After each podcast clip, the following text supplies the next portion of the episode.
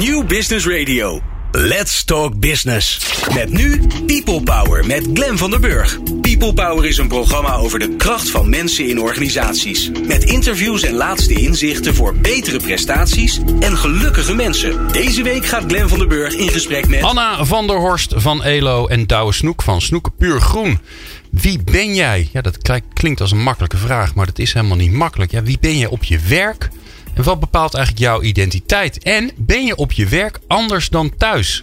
Hoe jij naar jezelf kijkt is belangrijk voor jouw ontwikkeling en inzetbaarheid. En in deze aflevering van People Power gaan we daar naar kijken. Hoe belangrijk dan en hoe belangrijk die, ja, die, die relatie tussen werk en thuis is jij als volledig heel persoon.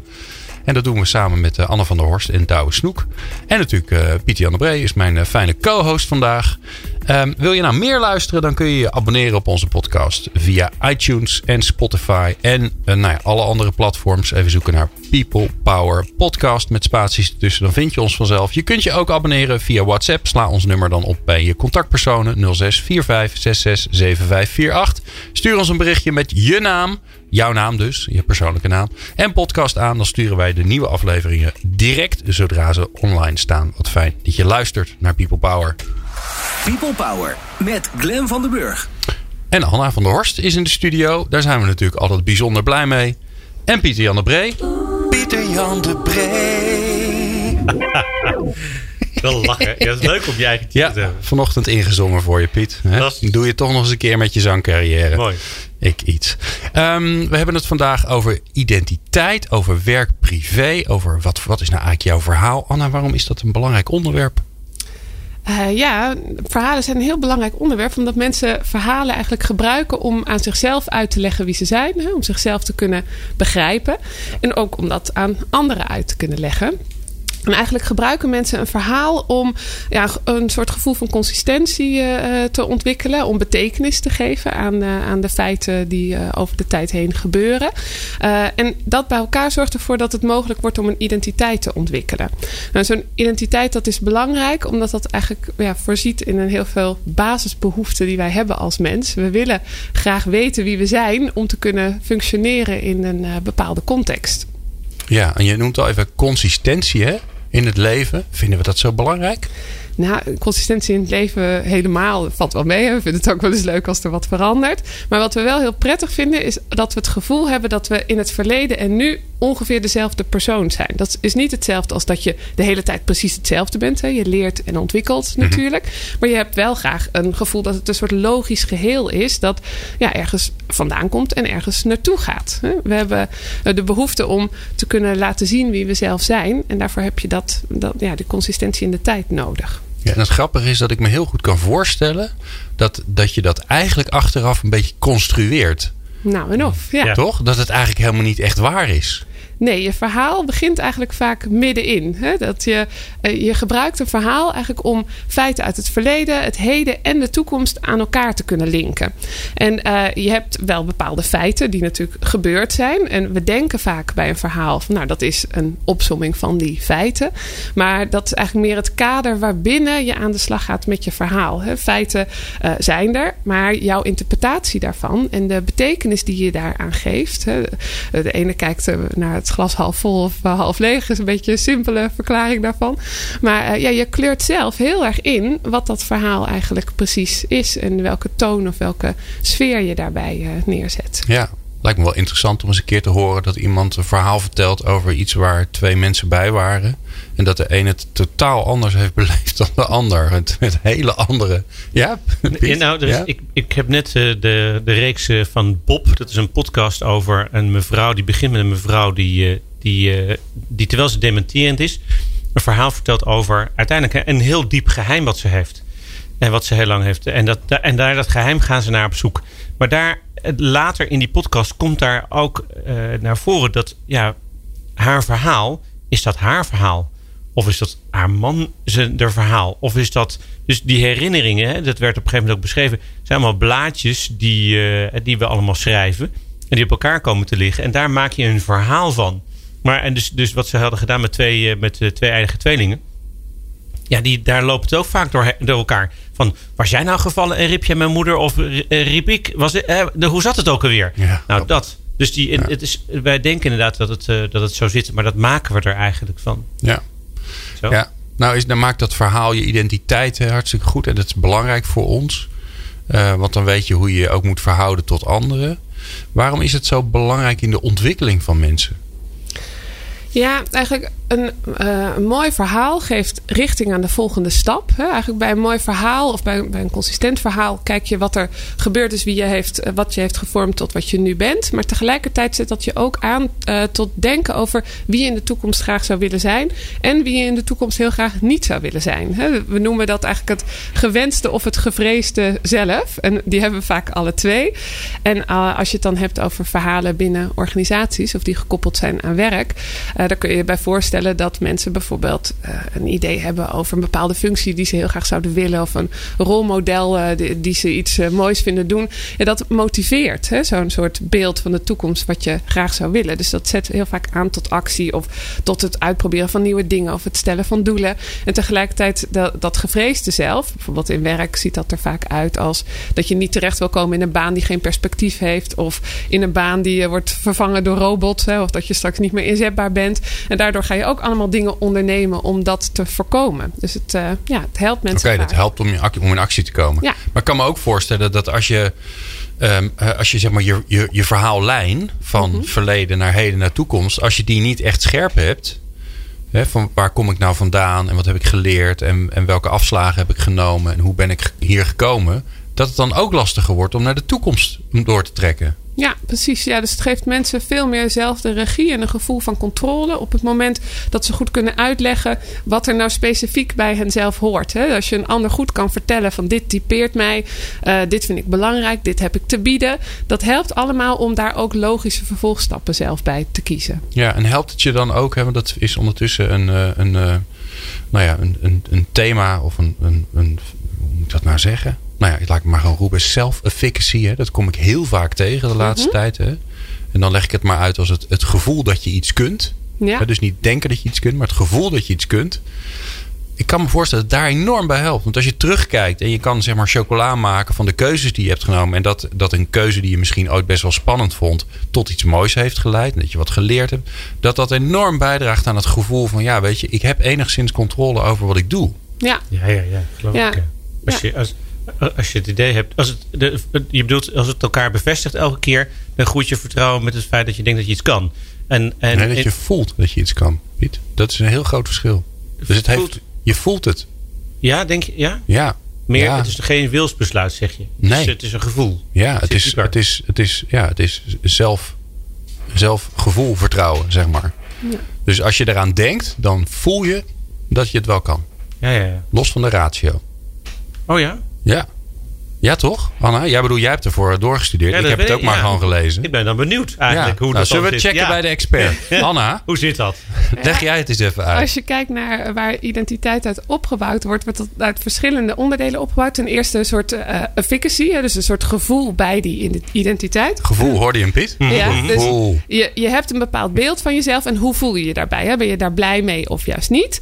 Eh, vervolgens leidt dat vaak tot bepaald gedrag. Je gaat gedrag laten zien wat overeenkomt met dat zelfbeeld wat je hebt.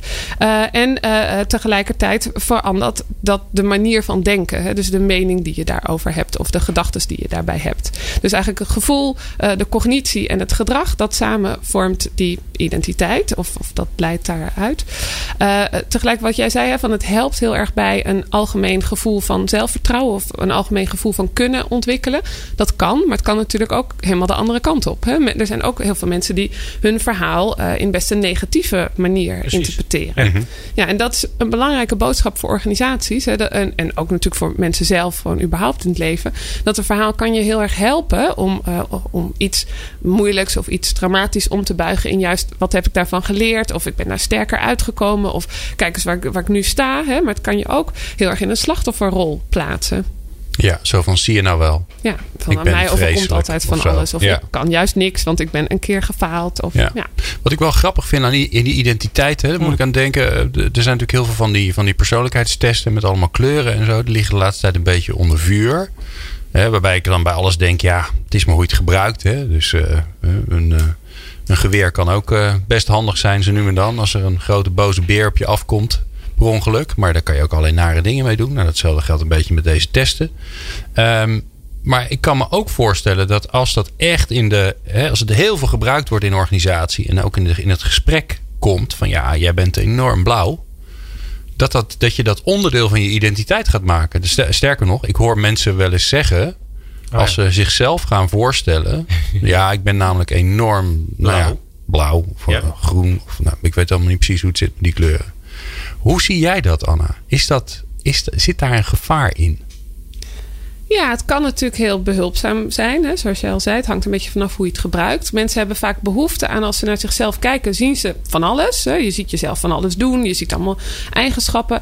Maar het is soms best moeilijk om dat goed onder woorden te brengen. En om een mooi verhaal te kunnen schrijven over jezelf, of mooi, eh, om een, kloppend verhaal te kunnen maken van jezelf, is het heel handig als je iets daarbij hebt wat de dingen een beetje versimpelt. De- Daardoor krijg je overzicht en inzicht en wordt het ineens makkelijker om daar allemaal logische vervolgstappen aan eh, te hangen.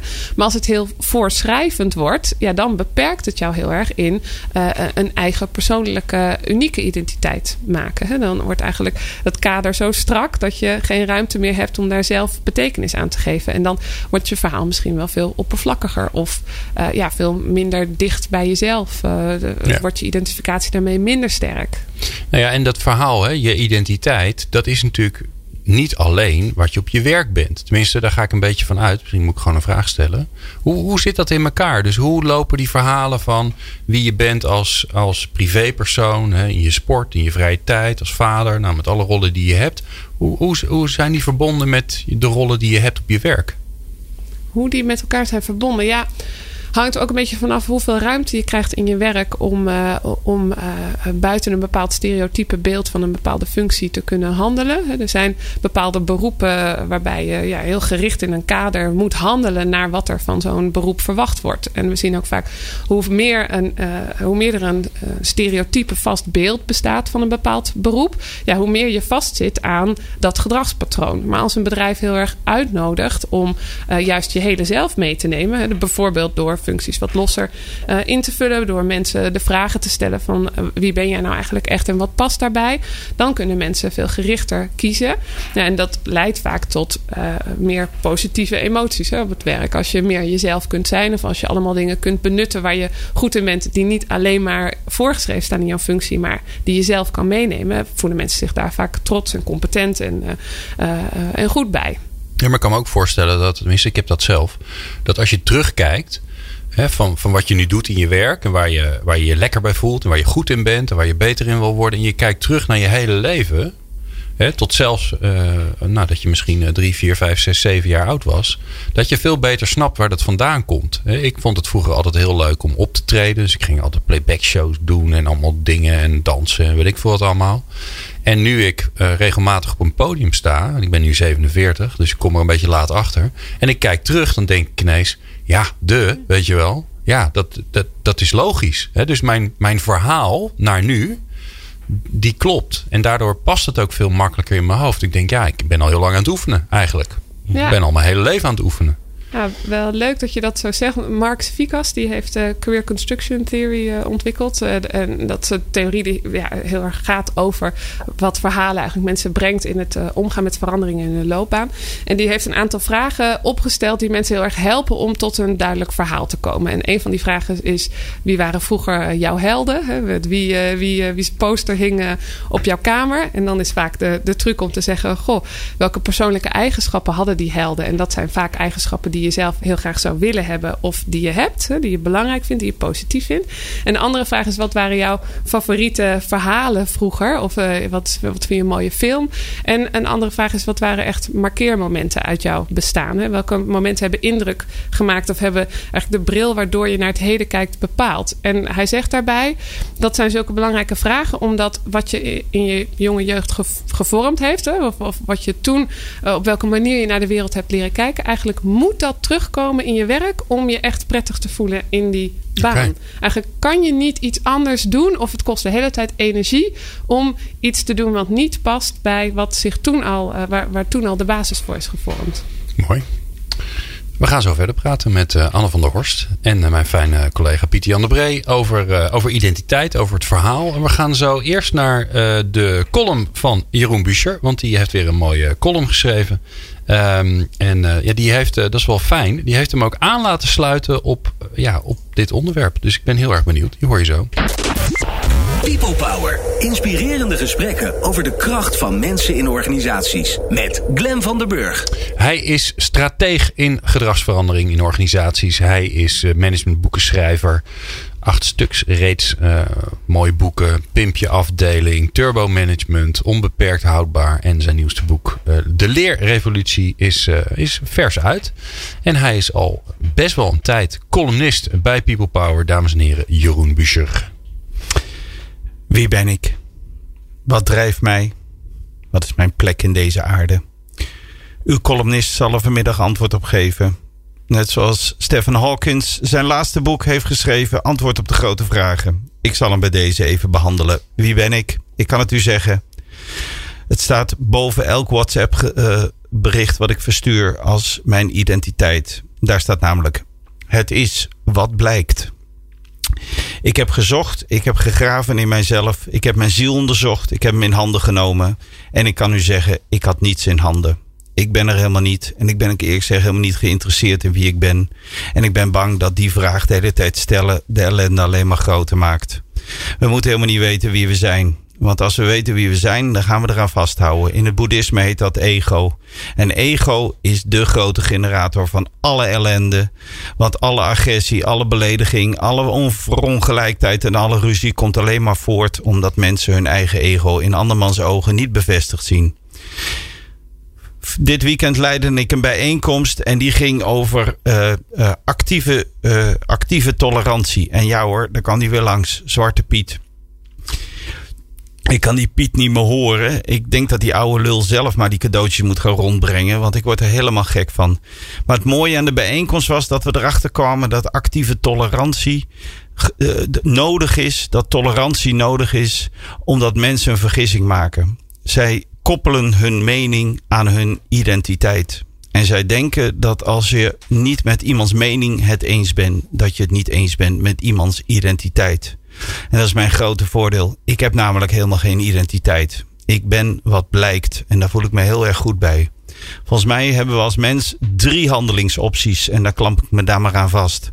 Handeling optie 1, dames en heren, is get out of the kitchen. Als ik ergens ben en het bevalt me niet en ik kan er verder niks meer aan veranderen, dan moet je de moed hebben om te zeggen: ik kan hier niks mee, sorry, ik loop hier weg optie 2 van de handelingen die ons in het leven gegeven zijn, is accepteren. Soms zijn we in een context, is er iets wat ons niet bevalt, maar slagen we er niet in er iets aan te veranderen. Dan moeten we gewoon leren accepteren dat sommige dingen pijn doen. Dat het leven soms ook pijn doet en dat daar helemaal niks mis mee is. Als u de aflevering hiervoor terugluistert, dan hoort u zelfs dat pijn u kan helpen om te veranderen. Hoe mooi kan het worden?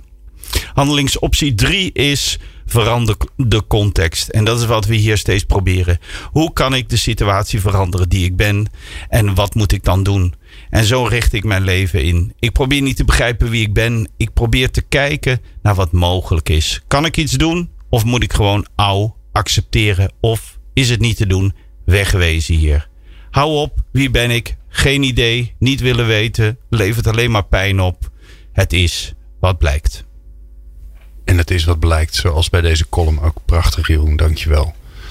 Wat een feest. Met liefde gedaan. Meepraten, meepraten of meer programma's? people-power.nl Douwe Snoek is een bijzondere ondernemer. Hij is de ondernemer achter Snoek Puur Groen.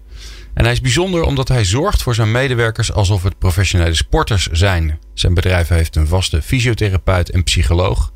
En Douwe besteedt veel aandacht aan wie zijn mensen echt zijn. Douwe, wat fijn dat je even tijd voor ons maakt in de uitzending. Ja, leuk. Douwe, jij, uh, uh, ja, jij vindt het echt belangrijk om te weten wie, wie mensen echt zijn en wat het verhaal daarachter is. Waarom doe je dat? Nou kijk, wij, uh, wij zijn een dienstverlenend bedrijf. Wij uh, verkopen uren. En uh, dus ja, eigenlijk is het het hart van mijn bedrijf.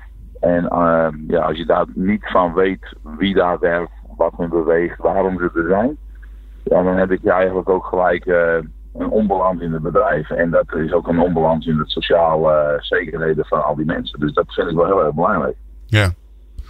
Ja, en dat, en dat klinkt zo logisch. Hè? En toch hebben wij allemaal het idee dat werk en privé, dat er een soort schot tussen staat. Is dat, is dat bij jou altijd anders geweest? Ja, ik denk het wel. Ja, absoluut. Want uh, kijk, mensen die komen elke dag naar ons werk. Ik zeg wel, jongens, uh, je komt bij mij werken. Uh, dat doe je omdat je dat leuk vindt.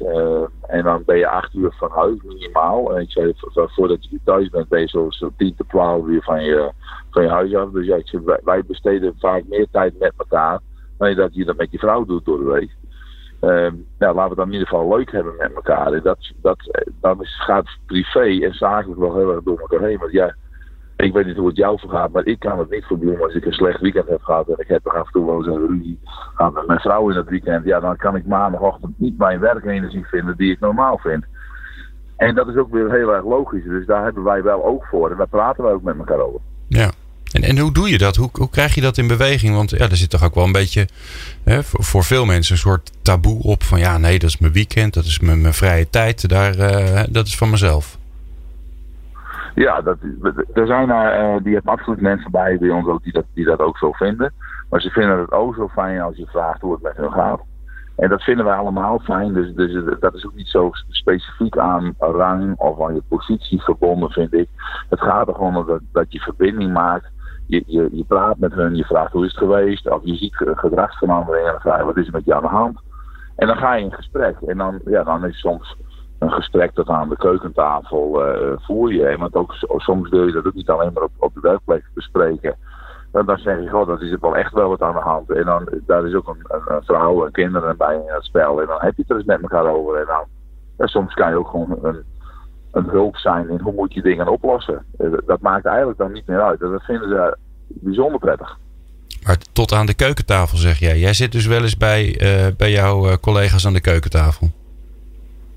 Absoluut. Uh, ik, ik, denk dat ik sowieso drie, vier keer per jaar wel eens bij iemand aan de keukentafel zit. En uh, we te gewoon eens een gesprek over het leven hebben. En dat moet je in vertrouwen doen. Hè. Dus dat is ook niet zo dat mocht er dan ergens een keer iets gebeuren op het werk, dan mag je dat nooit, uh, nooit gebruiken. Dat gaat echt over vertrouwen. Maar dan zijn, ze me, uh, dan zijn we elkaar heel ontzettend dankbaar. Want ik ben hun heel erg dankbaar dat ik het mag doen. En dat ik zo met hun mag spreken en in, in die openheid mag zijn. En zij zijn mij dankbaar dat, je soms, dat ze soms toch weer handvaten krijgen die ze ergens anders niet hadden gekregen. Ja.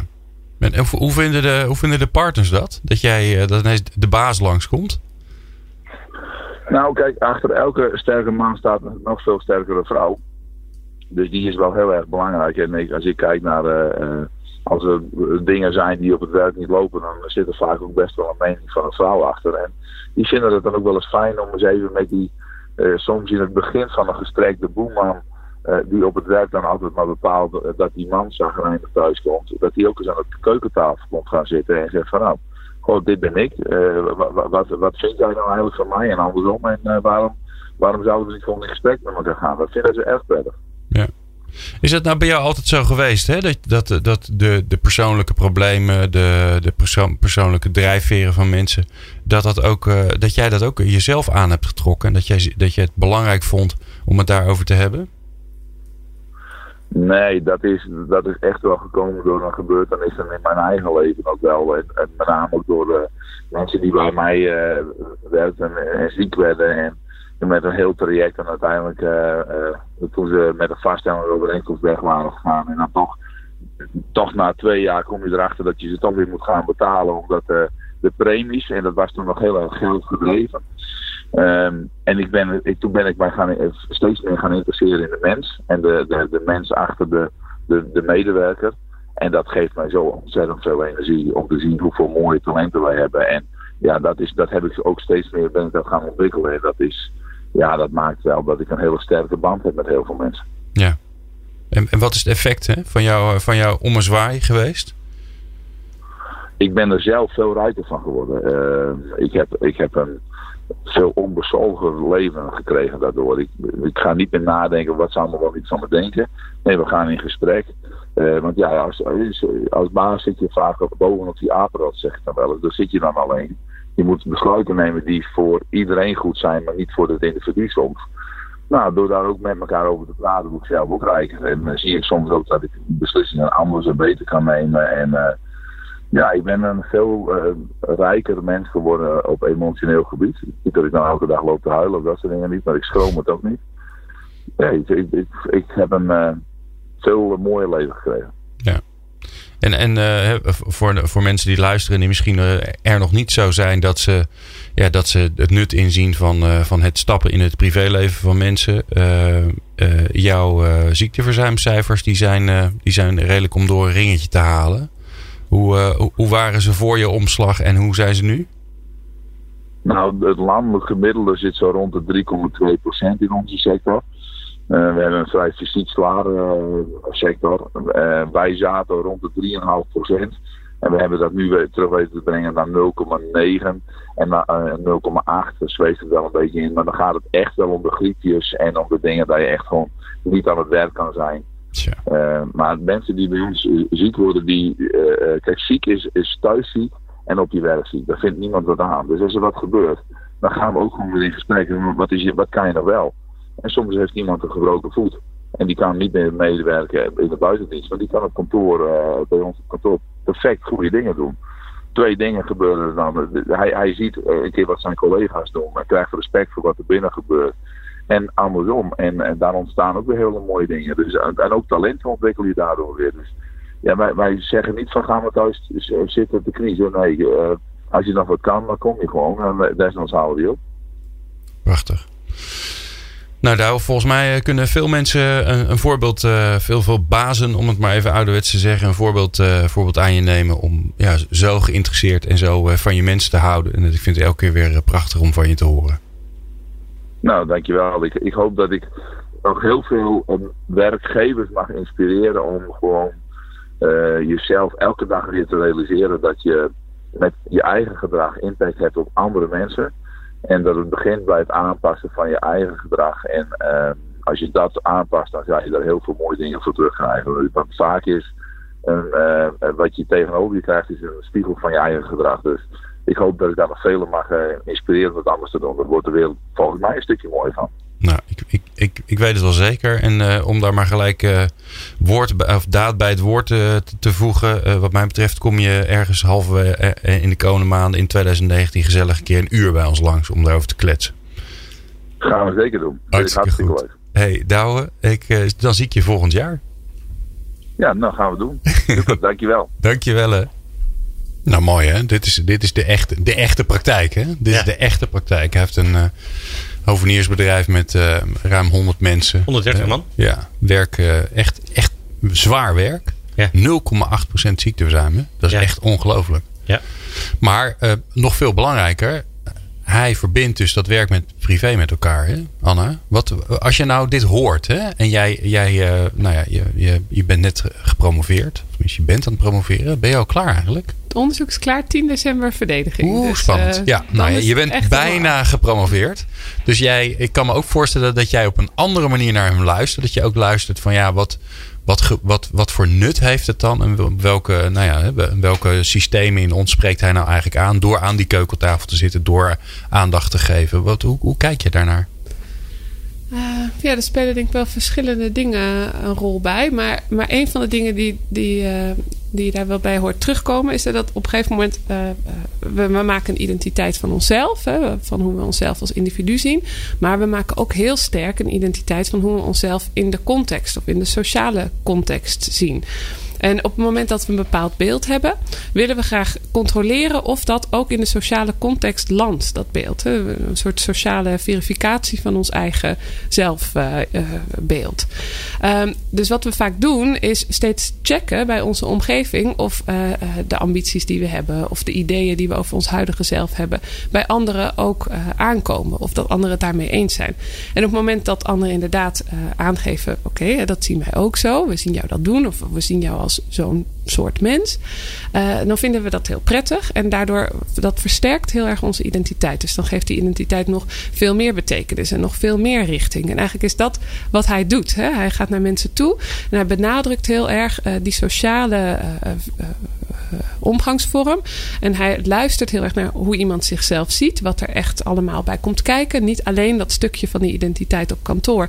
Maar hoe iemand zichzelf als heel mens ziet. En hij probeert daar op dat stuk te levelen met iemand. Van ik zie jou en ik erken ook wat er bij jou gebeurt. Hij neemt mensen hun klachten serieus. Hij neemt mensen hun dromen en wensen serieus. Dus dat versterkt heel erg die identiteit. En wat er zou gebeuren op het moment dat we merken dat mensen niet eens zijn met ons zelfbeeld. En dan gaan we die identiteit aanpassen. Maar dan moeten we dus opnieuw zoeken. Naar welke richting moeten we dan op? Wat betekent dat dan? En dat geeft meer stress of dat geeft meer druk. Hè? Dus eigenlijk is dat heel mooi dat die mensen uh, bevestigt in de hele persoon die ze zijn. Ja, en hij gaat zelfs, hij gaat zelfs in gesprek met, met de partner. Ja. Dat, is natuurlijk, dat onderschatten we volgens mij wel eens. Die zijn natuurlijk vaak, hè, als we het niet zo naar ons zin hebben op, op het werk, zijn die de bok. Hè? Die krijgen natuurlijk al die je krijgt natuurlijk of de euforische verhalen of de, de negatieve verhalen. Maar dat ertussenin, dat het eigenlijk allemaal best wel oké gaat, dat komt niet naar voren, toch? Nee, hij zei, ben je thuis ziek, dan ben je ook op je werk ziek. Of andersom, hè? Ben je weer, dat is natuurlijk... Ja. ja, zo mooi heb ik hem nog nooit omschreven gehoord. Dat heel vaak zegt, ja, en de hele mens mee naar je werk. En, en uh, wie ben je dan? En waarom zou je dan thuis uh, anders zijn dan op je werk? Dat is een beetje, er zit toch een soort verdediging in. Maar inderdaad, als je ziek bent, ben je ziek. Ja. is de, ja, dan ben je niet thuis uh, leuke dingen aan doen. Als het goed is niet. Nee. Dus dat, ik vind het de mooiste omschrijving voor de, het meenemen van je hele zelf. Ja, wel gaaf. Ja, ja mooi is dat. Um, um, ik, ik, ik heb ook wel zoiets van... Uh, ga je daar dan niet ook een grens over? Ja. Waar... Uh, ik zou er zelf niet zo moeite mee hebben, maar ik... Hè, dit is natuurlijk een, een, een groot MKB-bedrijf. Maar stel je voor dat uh, de, de, manager van, uh, noem eens even een, een enorm corporate bedrijf van Unilever of zo. Die gaat dan, nee, ik ga altijd bij, mijn, uh, bij de partners van, van mijn medewerkers langs. Dat voelt anders. Dat is toch raar eigenlijk? Ja, ja ik weet niet. Ja, of misschien ook wel logisch. Hè? Dat, ja, we hebben verschillende rollen in het leven. En in die verschillende rollen worden andere dingen van jou verwacht. Dus het is ook misschien inderdaad wel prettig als je bepaalde onderdelen van die rollen uh, kunt scheiden. Hè? Je bent tegen je kinderen anders dan tegen je partner en weer anders dan op je werk. Dus het is ook weer niet zo dat je overal precies hetzelfde moet zijn om authentiek te kunnen zijn. Je mag best ander gedrag in een andere rol laten zien. En juist als je het hebt over identiteit, gaat dat over identiteit in een bepaalde context. Hè. Zonder context is het heel moeilijk om een identiteit te omschrijven. Ja. Dus ja, je hoeft er niet naar te streven dat die identiteit denk ik de hele tijd overal hetzelfde is. Dus een beetje ruimte voor privé mag er denk ik ook wel zijn. Ja. Alleen het kost energie als je de hele tijd moet compenseren omdat je iets moet doen wat eigenlijk niet zo past. Hmm. Ja, dat is wat je bedoelt eigenlijk. Het moet dicht bij jezelf liggen. Ja. Toch? Ja. ja. Waar ik zo benieuwd naar ben, en ik hoop jullie ook, want dan zijn jullie namelijk geïnteresseerd en komen er mooie antwoorden. Maar waar erkenning. Ik, ja, dan krijg je ook weer erkenning voor mijn onwijs goede vragen. Uh, maar waar ik zo benieuwd naar ben, is uh, uh, wat kun je hiermee? Dus wat, wat kun je hiermee in je dagelijkse werk als leidinggevende of als individu? En dat hoor je zo. People Power. Inspirerende gesprekken over de kracht van mensen in organisaties. Met Glen van der Burg. En uh, Pieter Jan de Bree in de studio met uh, Anne van der Horst. Die uh, bijna gepromoveerd is. Dapper van je zeg.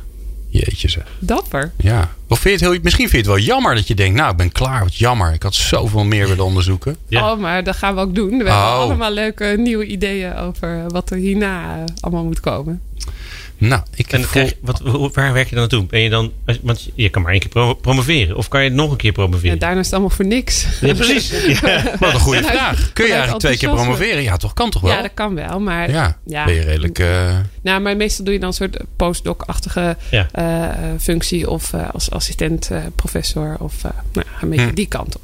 ja. Kunnen we laten zeggen, hè, Piet? Kunnen we zeggen, wij hebben, wij kennen, wij hebben professor, uh, professor Van der Horst in de studio gehad. Die no kennen we Nobel, nog. Dus, weet je nog? Toen heel klein was. Nobel Prize winner. ja. Daarvoor is dat te ja. laat. ja.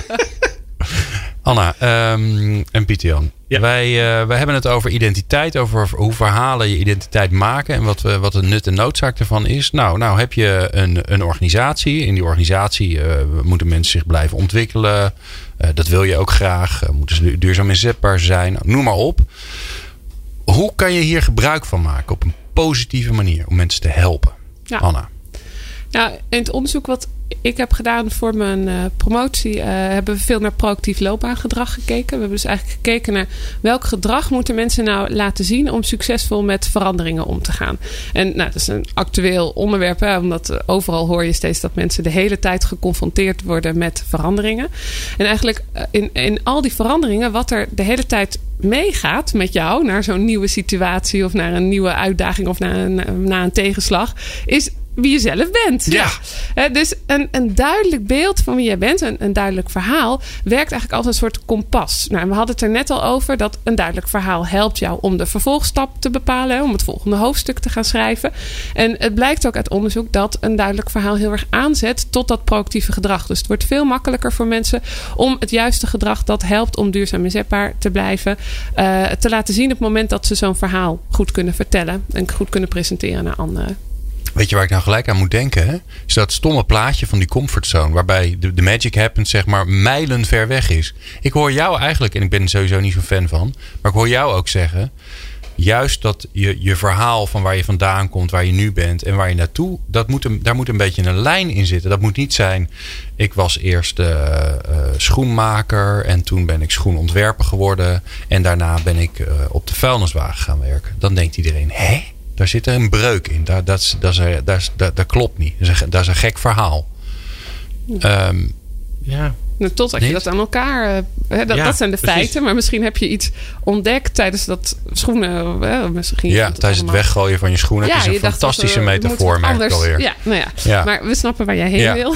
Ja. Nee, maar, maar dan zeg maar, oh, dat is mooi. Je, je zegt dus, maar dan moet, er, dan moet er, een, er moet een lijn van A naar B zijn. En die lijn kan bijvoorbeeld zijn: ik deed dit en dat vond ik zo fantastisch. Toen ben ik dat gaan doen. Ja.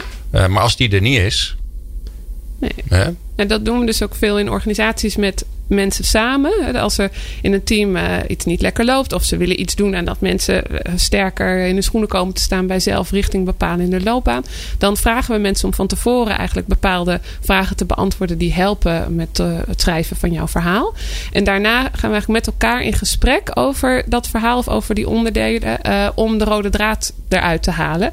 En dat heeft twee functies. Eigenlijk als je zelf met anderen samen reflecteert op jouw verhaal, wordt het veel duidelijker. Hè? Anderen zien dan ineens van alles en kunnen jou helpen met het vinden van die rode draad. Maar tegelijkertijd hoor je elkaars verhalen. En door elkaar eh, eh, te horen vertellen, zei eigenlijk eh Douwe het net ook in, in zijn verhaal, er ontstaat een soort begrip, ontstaat er meer empathie. En daar kun je veel beter door samenwerken of wordt de sfeer veel prettiger. ja, en dan kan je misschien ook beter snappen waar iemand nou goed in is, waar je hem of haar voor moet vragen. En waar je hem of haar niet voor moet vragen. Ja, waar die niet zo goed in is, begrijp je Ja. een beetje waar dat vandaan komt. Kan je dan weer begrip eh, voor opbrengen. Ja. En hoe kom je nou tot dat verhaal? Hè? Want jij zegt ja, is, wij stellen een aantal vragen. Maar die vragen zijn wel cruciaal, kan ik mij voorstellen. ja. Want dat maakt nog, als jij tegen iemand zegt, nou schrijf even het verhaal over jouw loopbaan op, dan krijg je een soort ja, ja. obligaat eh, cv. En daar worden we niet vrolijk van. En de ene is er hartstikke goed in. Die heeft zo in vijf minuten verhaal. Maar de meeste mensen vinden dat eh, best een lastige opdracht. Ja. Daarom hebben we het eigenlijk opgeknipt in allemaal losse stukjes. Allemaal vragen zoals bijvoorbeeld over die helden. Of over belangrijke momenten uit jouw leven. Of eh, wat is een bucketlist met dingen die je echt graag nog een keer gedaan wil hebben. Of waar krijg je echt energie van. En we hebben allemaal oefeningen als dat je bijvoorbeeld een tijdje een dagboekje kan bijhouden. Over wat je nou leuk vindt in je werk. En wat je nou wat minder leuk vond in je werk. Zodat je wat duidelijker beeld krijgt van waar je van geniet. Of waar je enthousiast van wordt.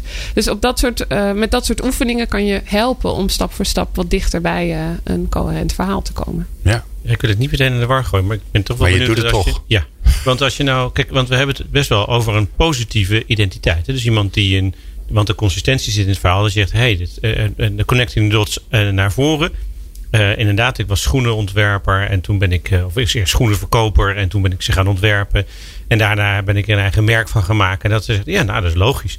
Maar eh, er zijn denk ik heel veel mensen die, dus, die niet zo'n sterke identiteit hebben die positief is, maar die dus negatief is.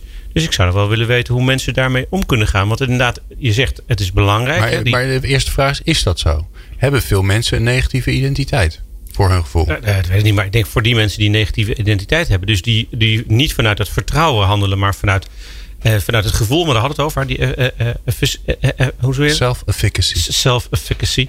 Dat die, waar ze bij van zichzelf denken: ja, maar ja, mijn gevoel zegt dat ik het niet kan. Ja, eh, dus houden ze zich maar klein. Terwijl als ze erkend zouden worden, zoals Douwe eigenlijk ook zegt, in de hele mens, in al hun capaciteiten, wat ze kunnen, en dus uitgedaagd worden in nieuw gedrag, en dus zeggen: hé, hey, kijk eens wat ik kan. Geloof ik heel erg dat het kan. Dus ik ben heel benieuwd uh, hoe dat dan werkt als je dus minder positief over jezelf denkt. En eigenlijk dus die identiteit ook negatief is en je jezelf klein houdt. Ja. ja. Ja, we komen dat bij klanten ook vaak tegen. Vooral als we het hebben over het onderwerp duurzame inzetbaarheid. Dan zijn er altijd ook mensen die uh, nou misschien niet zozeer een heel negatief verhaal hebben. Of uh, iets minder dramatisch, maar die zoiets hebben van nou, ik zit hier en ik vind het wel goed zo. dat is een heel ander verhaal dan ik heb allemaal ambities en hier wil ik naartoe. En dat zet lekker aan tot allemaal gedrag en ontwikkelen. Heel veel mensen zeggen ook nou, ik doe dit al twintig jaar en dat vind ik prima. Nou, niet dat dat verkeerd is, hè, maar er zijn ook mensen die zeggen ja, ik heb dat alles geprobeerd en dat ging mis en dat was heel negatief. Hè. Die hebben inderdaad wel echt een wat negatievere boodschap. En wat je zou kunnen proberen dan is uh, niet zozeer de feiten van het verhaal uh, te veranderen. Want dat kan niet. Hè? Iemand heeft iets meegemaakt. Maar wel hoe iemand dat verhaal framed. Hè? Je kan hele traumatische dingen meemaken. Uh, en vanuit iets traumatisch iets leren wat je helpt om de toekomst anders vorm te geven. een traumatische ervaring of een hele negatieve, verdrietige ervaring kan je ook sterker laten worden doordat je ander gedrag hebt geleerd. Of omdat je hebt geleerd dat je daar overheen kunt komen. Of dat je daar iets anders tegenover kan stellen. Want, ja. Ja. ja, zodat je uh, connecting the dots kan doen van hé, hey, ja, dit was inderdaad vervelend, maar dat heeft er wel toe geleid dat. We doen natuurlijk eigenlijk heel weinig. Hè? We kijken heel weinig terug. Uh, misschien wel naar een, een gebeurtenis in ons leven, maar niet zozeer. Oké, en wat is er daarna allemaal gebeurd? Oh, dan ben ik die tegengekomen. Oh, dat was eigenlijk wel. Ja, dat heeft me eigenlijk toch wel heel veel gebracht. Ja. Uh, en wat volgens mij wel fijn is, waar mensen best wel ook wel een beetje op mogen vertrouwen, is dat wij de toekomst natuurlijk bijna per definitie redelijk rooskleurig inzien. Hè? Wij zijn best wel positief over de toekomst als mens, diersoort. Als we niet uh, depressief zijn wel. Als we niet depressief zijn, zijn we heel positief. En dat is maar goed ook, hè? want ja, we weten dat we doodgaan. Nou, dat gezellige einde. Nee hoor, dat gaan we niet. ik heb, ik heb, want ik vind het een leuke vraag. Op de, um, um, een van de vragen die jij noemde, Anna, was: uh, wat staat er op je bucketlist? Hè? Dus wat, wat wil je nog graag doen, waar, waar je enthousiast van wordt? Nou, goede vraag. Ik wil heel graag weten uh, wat het dan is. Eén ding.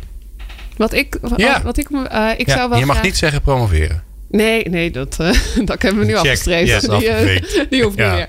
Nee, ik zou wel graag uh, met fotografie iets willen doen. Mijn moeder kon vroeger altijd heel mooi fotograferen. En vooral van hele net geboren babytjes. En dan mocht ik Oh. altijd mee. Dan gingen we fotorapportage maken als ze net een paar uur oud waren. En ik heb nu zelf een kindje, dus daar kan ik nu de hele dag foto's van maken. Dus ja, als ik ooit nog eens heel veel tijd over zou hebben, dan zou ik dat nog wel eens heel goed willen leren. Oké, okay. mooi. Ben je zelf fotograaf en denk je, ik kan Anna dat wel leren. Anna van der Horst even googelen. Dan uh, kan, kan je haar helpen. En dan gaat ze jou weer ergens anders mee helpen. Dat is toch ja. mooi? Ja. Meneer de Bree? Wat staat op mijn bucketlist? Ja. Ik, uh, ik zou nog wel weer eens... Nou, er zijn heel veel dingen op mijn bucketlist. Maar ik vind het moeilijk om te wensen. Dus ik, dat, is, dat is een dingetje. Uh, Jij zou wensen dat je meer wil wensen? Ja, want ja, daar kom je niet mee weg. Ik merk het bij mijn kinderen. Mijn dochter kan dat heel goed. Die zegt wat ze wil en daarmee krijgt ze het ook. Ik vind dat lastiger. Um, ik zou, maar dat heeft meer te maken met. Uh, ik zou nog wel weer eens een halve marathon willen lopen. Dat is lang geleden. Uh, omdat ik, uh, nou, door allerlei redenen, maar de, de, de, als dat weer zou kunnen, zou ik wel leuk vinden. Ja? Ja. Oké, okay. mooi. Nou, tot zover. Nee, dat is natuurlijk flauw. Hè? Dat moet ik natuurlijk zelf ook zeggen wat. Maar ja, dan horen jullie dat te vragen. Um, Glenn. Ja, Pieter Jan. Wat staat er nog op jouw bucketlist? Ja, nou, ik heb er wel iets op staan. Um, waar ik in mijn, in mijn hoofd. Uh, nou, ik ben sowieso natuurlijk nog een boek aan het schrijven, maar is niet echt mijn bucketlist. Want uh, dat moet gewoon gebeuren. Dat is meer een soort. Uh, daar ben ik toch al mee bezig. Wat er op mijn bucketlist staat, is dat ik een keer een, um, een theaterprogramma wil maken over. Ja, over hoe mensen in elkaar zitten, over geluk. Zeg maar, dat, nou ja, daar waar ik over zelf over geïntrigeerd ben. Omdat ik, het, omdat ik het zo'n leuk onderwerp vind. Omdat ik het ook zo nuttig vind voor iedereen om daar meer over te weten. Maar ik zou dat heel leuk willen verpakken. En dan wil ik mezelf eigenlijk ook dwingen om daar muziek in te doen. Dus Oh. ook erin te gaan zingen. Mag ik dan meedoen? Ja. Lijkt me te gek. Ja. Ja, man. En dan, Nou. ja, het lijkt me echt heel leuk. Nou, gaan we doen. Tot zover deze bijzonder leuke aflevering van People Power. Ik hoop dat jij dat ook vond met Pieter Jan Bree en Anne van der Horst. Uh, je zal Anne volgend jaar vast wel weer horen. Want uh, we gaan gewoon gezellig door met het leuke partnership met uh, ELO. Omdat het een leuk bedrijf is met leuke mensen. Wat wil je nog meer? In de volgende aflevering van People Power is Mark Jansen te gast. Hij is Head of People Development bij de Rabobank. En hij komt praten over zijn visie en aanpak op het gebied van learning and development. Mocht je nou ons niet zo lang kunnen missen. En daar kan ik me alles voor voorstellen. Ga dan naar peoplepower.radio. Dan kun je alle ruim 190 afleveringen beluisteren. En ik kan je ook zeggen dat op 17 december is de 200ste uitzending. En dan gaan we van 3 tot 8 gaan we 5 uur achter elkaar People Power maken. Omdat er pas 200 zijn. Dus uh, ja, ik uh, hoop dat je lekker blijft luisteren. Meepraten of meer programma's? people-power.nl